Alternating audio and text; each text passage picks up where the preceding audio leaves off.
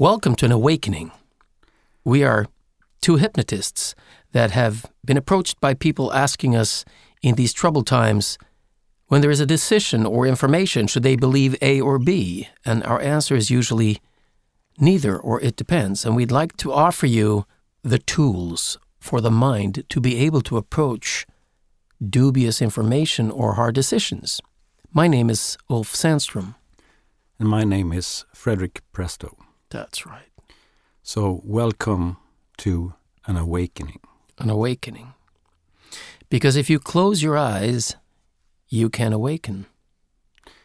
Because this is a hypnotic exploration of the borders between fact, data points, critical thinking, and reasonable beliefs and projections into the future, and then magical thinking. Magical thinking. Because somewhere on the road between facts and beliefs, it is easy for us to get lost. That's right. And that's why when you are listening to this recording, it is important that you're in a situation where you safely can close your eyes and relax, where you don't have to do anything that could be a danger if your focus is totally on this, where you safely can point your attention to this without risking anything outwards. That's right. And therefore, you can now take a deep breath. And hold that breath a few seconds. Notice what it feels like in the body when you are holding your breath, in the lungs, in the back. And then you can exhale and close your eyes now if you haven't already. And we can close our eyes in so many different ways and, And you can notice notice how you, that you can listen to when you both of relax, us, but only one at a time. and I'd prefer it if you listen, and you can to me, notice that you can but listen you can to listen me to Frederick too. or to Ulf. because Notice the temperature one half of your brain where you are now. notices the other half of your body can go the words we speak. deeper You can notice deeper. your own breath and the It relaxation spreading spreading throughout your throughout body your body. now. That's because right. it is possible to Everything is go possible. to- deeper into this relaxation. And you can just become heavy and you can relax let go of tension. or physically, or and you can combine give yourself both, permission to let go of tension and just noticing where notice in your what body place of your body you is are the most the relaxed most right now. relaxed part can And just for some, tell the rest of your body It's my legs. Do it like me. My arms Or or, my do it like you And for some, and not so obvious. if you really like going it's not, you deep may just guess. then it's where basically just a belief body you can are the most choose to believe physically relaxed. that you are the most physically now. relaxed now. That's right. And you can close your eyes to the outside world. You can also close your eyes to different things. You can choose to close your eyes to injustice. You can close your eyes to facts. You can close your eyes to trends and tendencies. And sometimes we don't even know that we have our eyes closed. We think we know. But really, from where do most of our thoughts come? Most of our thoughts might come from the outside, from things we've seen and heard, things other people have told us. We believe that we've heard about a scientific study in a defined area and we choose to believe the facts that are presented. But we need to remember that the whole idea of scientific observation is that it's a constant critical questioning of anything and everything anybody ever claims is a data point or a fact. And the first step is to check it up. Is this a fact? Just because someone says that it is so, it doesn't have to be so. And check it up. Is this really science? Just because somebody says this is science, it doesn't really mean that it actually is so. And the meaning of scientific observation is to observe scientifically together. And then it has to be measurable. And the conclusions that we draw from scientific observation can evolve into projections into the future.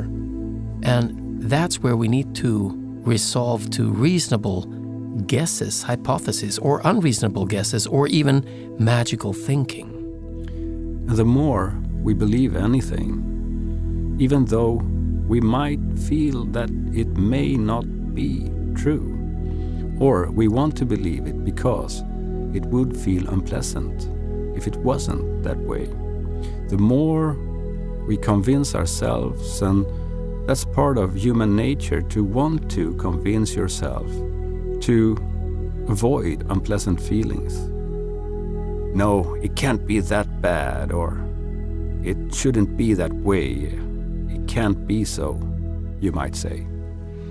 The philosopher Robert Anton Wilson created something he called maybe logic. And that's instead of thinking, is it either this way or that way, you can open up for the possibility of how much do I believe in this? Do I believe 100% and that's either or? Or is it zero and then it's still either or? But most of beliefs about something that you cannot prove are possible to place on a scale so they can be 99.9 or 00.1. Now, if you open up to this way of maybe logic, you can also open up for new possibilities. You can think, I believe 20% for this and 42% against it. Because even if it is a fact that the bus left the station at 7 o'clock every Monday when you went to the station. It is a guess that it will leave at 7 o'clock the next Monday. It is a reasonable guess, but if the next Monday is a holiday, it may not be so. Science and scientific observation is only true until just a moment ago.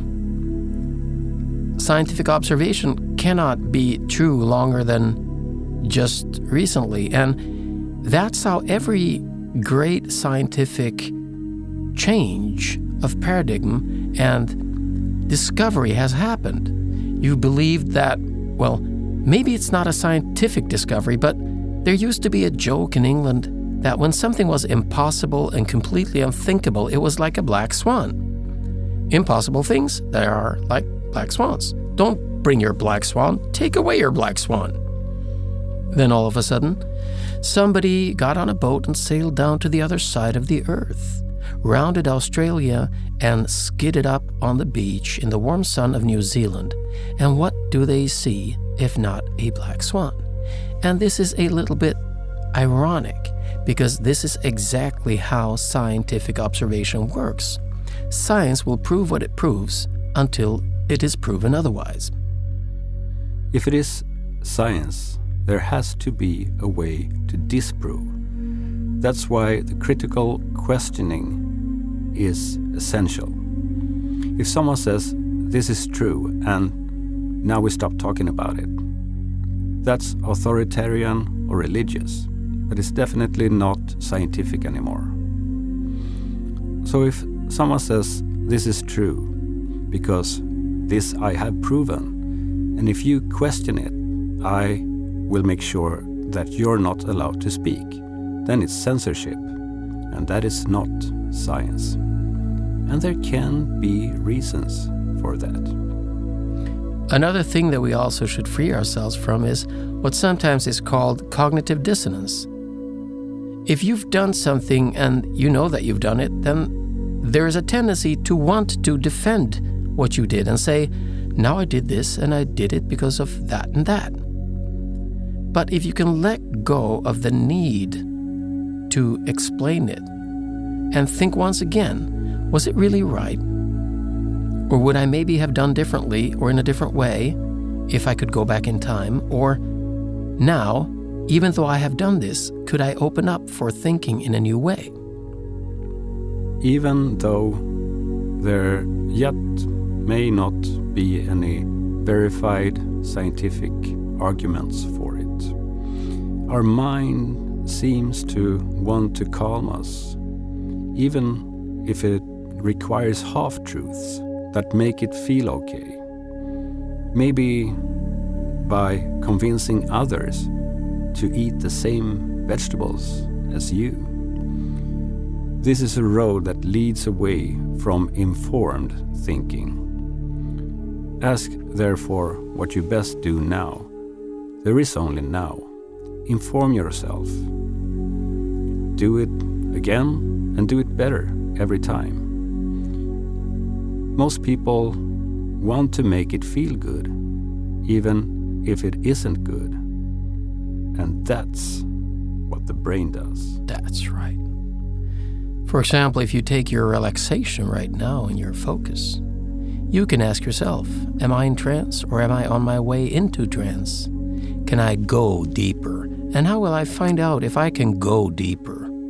If I take a deep breath now and breathe in, and hold my breath for a few seconds and feel the air in the lungs and the body and the muscles and the weight of my body and breathe out now. And, and just you do, just keep relaxing. Yourself, even your mind, now. Your thinking, as your you emotions, may your muscles, the relaxation, your thoughts, your fears, your projections. Thoughts may come and go. And you can and go relaxation. into relaxation in your body. You will find your it mind just as you do there, because we all it have a place where we go double when we that relax relaxation and now. sleep.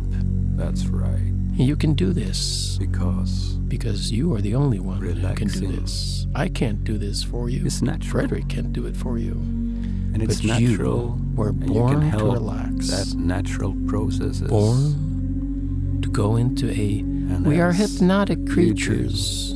There are different ways. That's right. You may think of memories of relaxation. Hmm. So instead of saying that the bus is guaranteed to leave the station every Monday because it has done so up to now, you could say, up to now, the bus has left the station at this time every Monday. And because you have taken the bus, it's very easy to think, I am a person who rides the bus. But maybe you can open up for new possibilities. Today, I think in a new way. Maybe you are a person that walks or rides a bicycle. Because it's very easy start fooling yourself, and that's a very human ability. It's part of human nature, and a typical example of this is when people get a little bit superstitious. For example, if it turns out that every morning that you eat porridge, three Mondays in a row, the bus has been five minutes late. And then you switch from porridge to a French toast, and all of a sudden the bus comes on time. The probability that this could be a correlation is, of course, a possibility. There is nothing that says that it couldn't happen at the same time, but it doesn't mean that the porridge is making the bus late or that the French toast is making the bus go on time. And that's the difference between cause and correlation. So if you can let go for a while all the thoughts that have come from somewhere else, then what you're left with is your own thinking. And there you have what we sometimes call intuition. So if you can start separating what you've heard from other sources and things you've seen for yourself, you will be able to develop a more informed intuition, which is your inner compass, telling you what directions you can choose to go. You can choose to go. And your intuition can be a feeling, a sensation, an emotion. But a feeling isn't a truth. Feeling something is just one more of the components that help you to make a decision so that you need a feeling, but you also need a data point that verifies the feeling so that the feeling can evolve and become more precise. Your intuition evolves and becomes more precise through data that verifies your intuition. Without data, it will just be superstition. So start with intuition and then check is there anything supporting this and how much? And then you will arrive at what is most important with critical, open, sound thinking. It is to understand that everything will happen until it no longer happens, and nothing happens until it suddenly happens. And this is why David Bourland Jr., one of the students of Alfred Korzybski, who was a language researcher, he would say that it would be good for you to take a step back from absolute truths because there is this enormous need for safety in humans, which resorts to creating absolute truths where you can't. Is it sure that I will be happy if I buy this car? Am I sure to like this ice cream? Can you promise that there will be a fantastic party on Saturday? These are promises no one can give. Darn. But you still ask the question because you want to stop worrying about the possibility that it may not be as you wish for. Then you get absolute truths, and they can sneak over to all possible things. You can say that vegetables are good for you, and nuts are good for you. But then someone gets an allergic shock from a peanut. And then it wasn't the truth, not for all. So, what you need to do is to change is for seems, because this was exactly what Bourland suggested to use language without any form of the word is and just say it seems. It seems to be healthy with nuts, it seems to be healthy with greens. You seem to have started to relax. You seem to have started to let go of what it is time to let go. And the deeper you dive into this, this is our thought that you can let go of what you need to let go of. Because then you can start waking up and see clearer with your eyes closed. With your eyes closed, which means that you can start sorting out what you're really thinking for yourself, starting to control. Are things really adding up? What are the real data points? And data points are supposed to be solitary, specific, measurable, verifiable, and preferably of your own experience. If everybody else talks about that bus and you've never been there, never seen it, never even taken a ride on the bus, then that's true for them. But that does not make it true for you, does not, but it makes it probable, but not true. And the same goes for anything you're reading in the newspapers, that you hear at a dinner table, everything you bring with you from social media or television or any other channel where people talk that you don't assume that anybody else is anything else than you, a human who easily and with good intentions can bring half truths or wishful thinking. So, trust a little more that things seem to be a certain way without necessarily being that.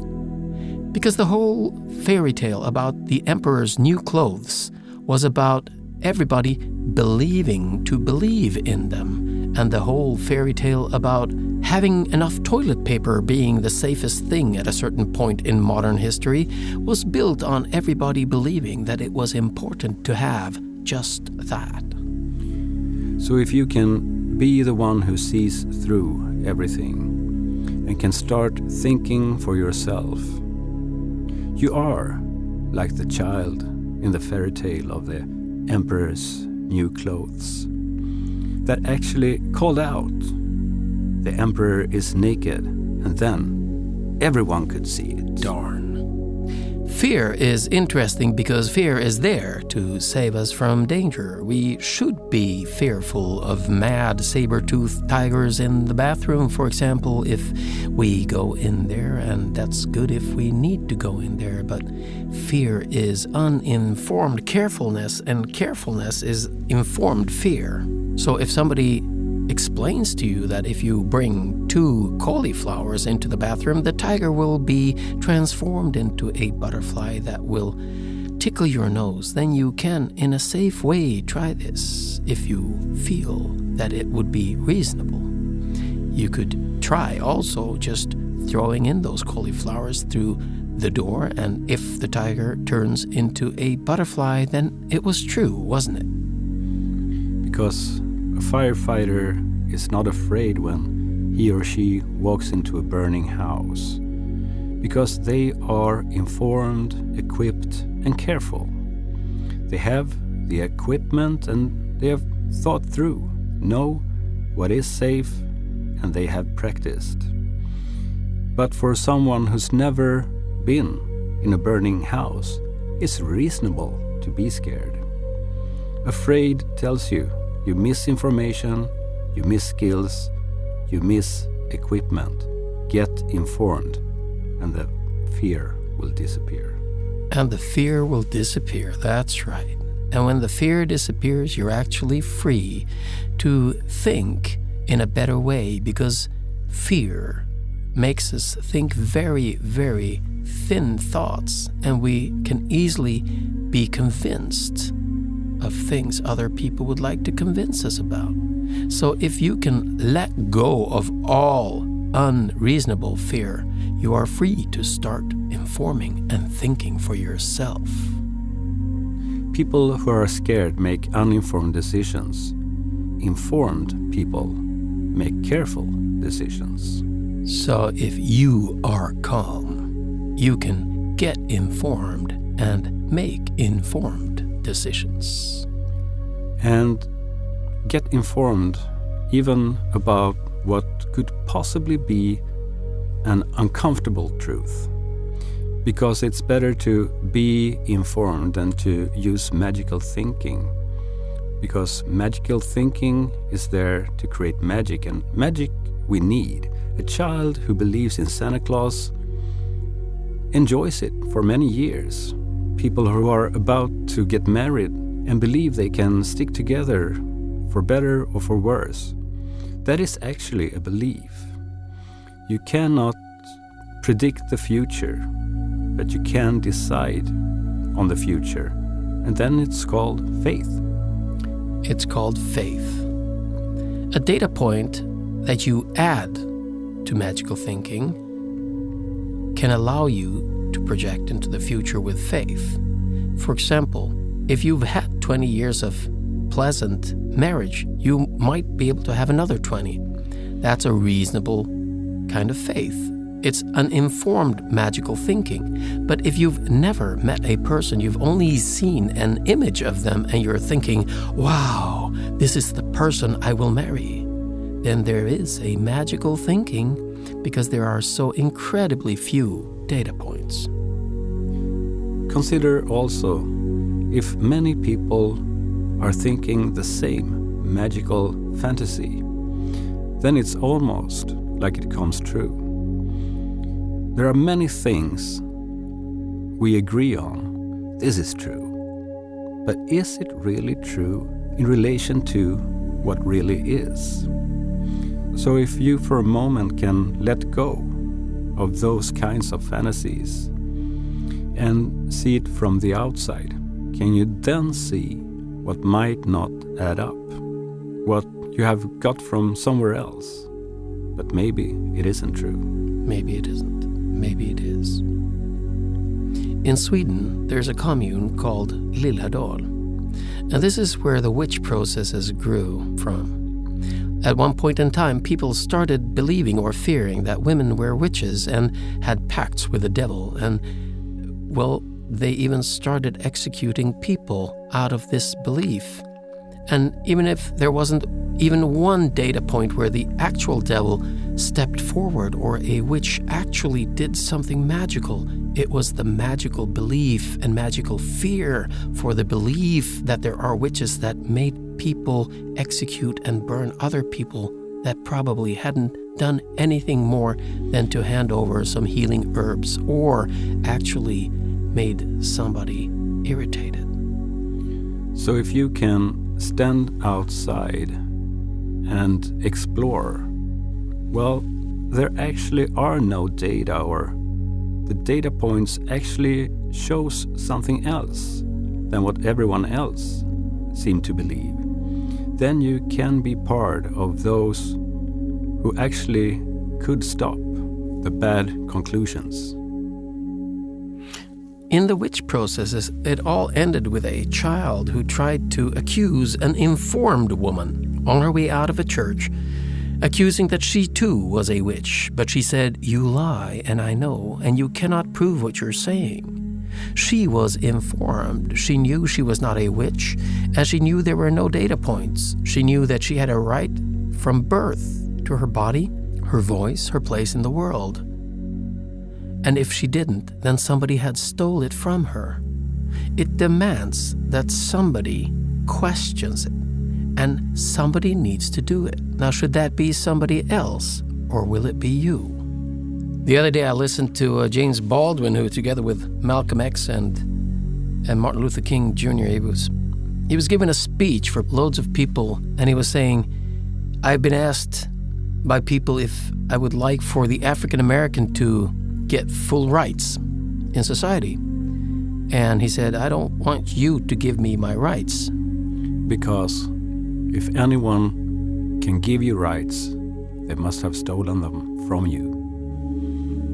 The scientist Rupert Sheldrake has written a book called The Science Delusion, where he shows that part of what we call science actually isn't science in the way you actually define science, but that a big part of it is what we call beliefs. And beliefs, in their uttermost form, are magical thinking. Someone has said that a person that we believe to be crazy may have their own belief, their own magical thinking, a world of their own. And if then we choose to call this psychotic or a religious insight or a visionary is up to each and every one of us. There are historically people whose image of the world has passed through three stages. First, it has been mocked, then it has been meeting violent resistance, and finally, it has been accepted as evident because once in hindsight, everything is evident.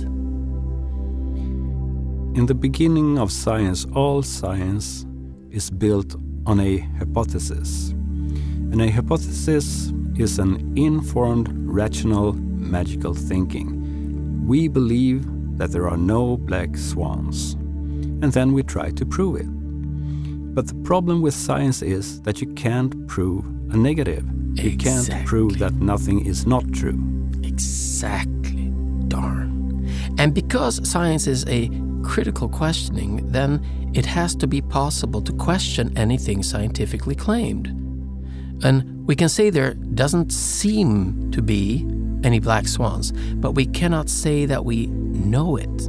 Exactly not until we've seen all the swans in the whole universe.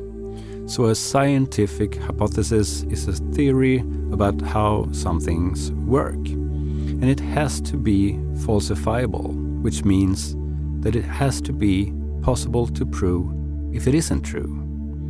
If that's not possible, then it is magical thinking. Anything said about the future based on scientific observations or hypotheses That is magical thinking. That's right. And if somebody says that it is guaranteed that it will always be safe to eat butter in all future, and it is guaranteed to not be harmful in any way, and that no future generation will ever be harmed by me eating butter, that might, might, might be rational. But we don't know. It could also just as well be wrong. It's not a scientifically created truth. It's either rational or non rational thoughts, and that is a scientifically half robed emperor. Our colleague James Tripp used to talk about a toxic trance, a tunnel of fear, where we interpret all information as a confirmation of what we fear. If many people believe the same thing that isn't good, that might be such an unhealthy mass hypnosis. So maybe you can wake up from it and ask what is the data? What is the scientific dialogue that is missing? So you can be free. Precisely. Because if you create a tunnel vision that is built on fear, you might be missing what you actually should be looking out for, and maybe that is one of those unhealthy mass hypnosis. So maybe you can wake up from it and ask what is the data? What is the scientific questioning dialogue that is missing so that you can be free? It is like stepping out in the street when you're worried about catching the bus and then the ice cream truck splashes water over you. And we don't want that, do we? We don't want that. So if you're calm, relaxed, and you can start making a separation between the information that comes from others and what actually comes from you, then you can become freer and think informed thoughts. You can ask, who wins if the information I am being served seems to be true, and who wins if the information I am being served isn't true? What is in play here, and for whom, and how does that involve me? Because there's a paradise inside you, and you build it with information, scientific questioning, and magical thoughts. And if someone tries to restrict your information, is because they want you to be less informed.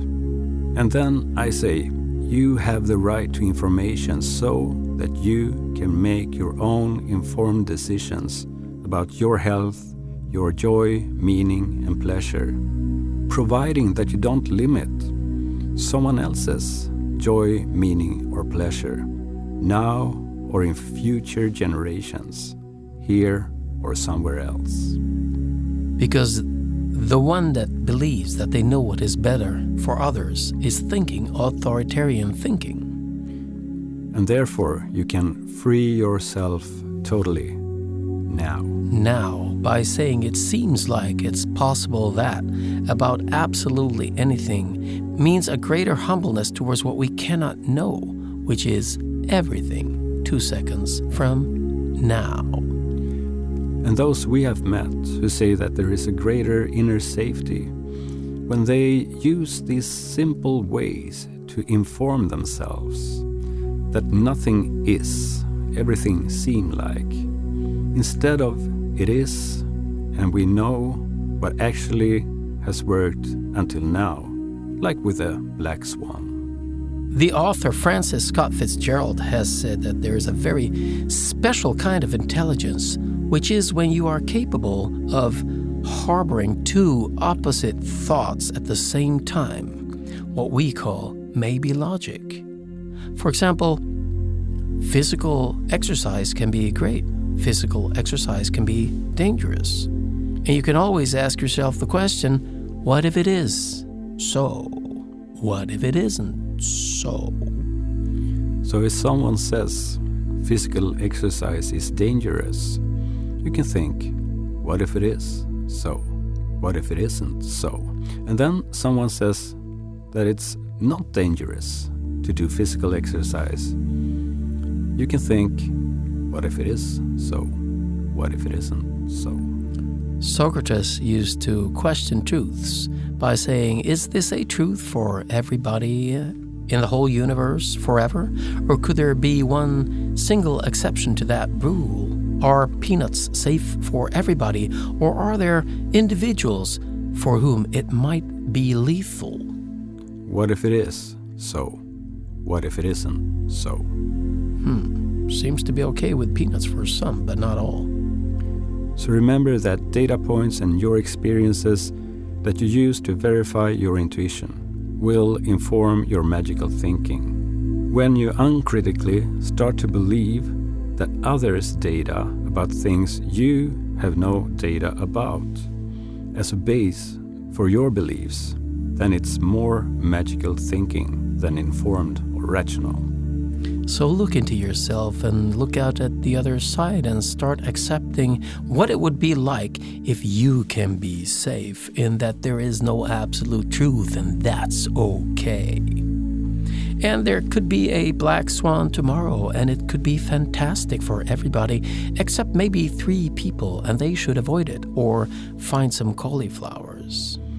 Because when you combine your own verified information with others' verified information. You can, together with your intuition, your fantasy, and your magical thinking, start making informed decisions that lead to the best possible joy, meaning, and pleasure in life.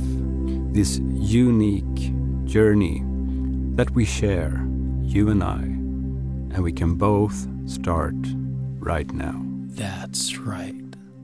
And right now, you can notice the part of you that, even though your eyes may be closed, is waking up within the waking up of the waking up. And as you arrive at the other end of this experience to normal consciousness, full consciousness, maybe even more consciousness than before, wide awake, you can take a deep breath now and stretch your body and move your fingers and toes. And when you feel the energy throughout your body, you can open your eyes whenever you like. And put that smile on your face that you have when you realize. And if you should like to share anything you realize or anything that you are thinking about, you can send an email to info at unpackyourexistence.com.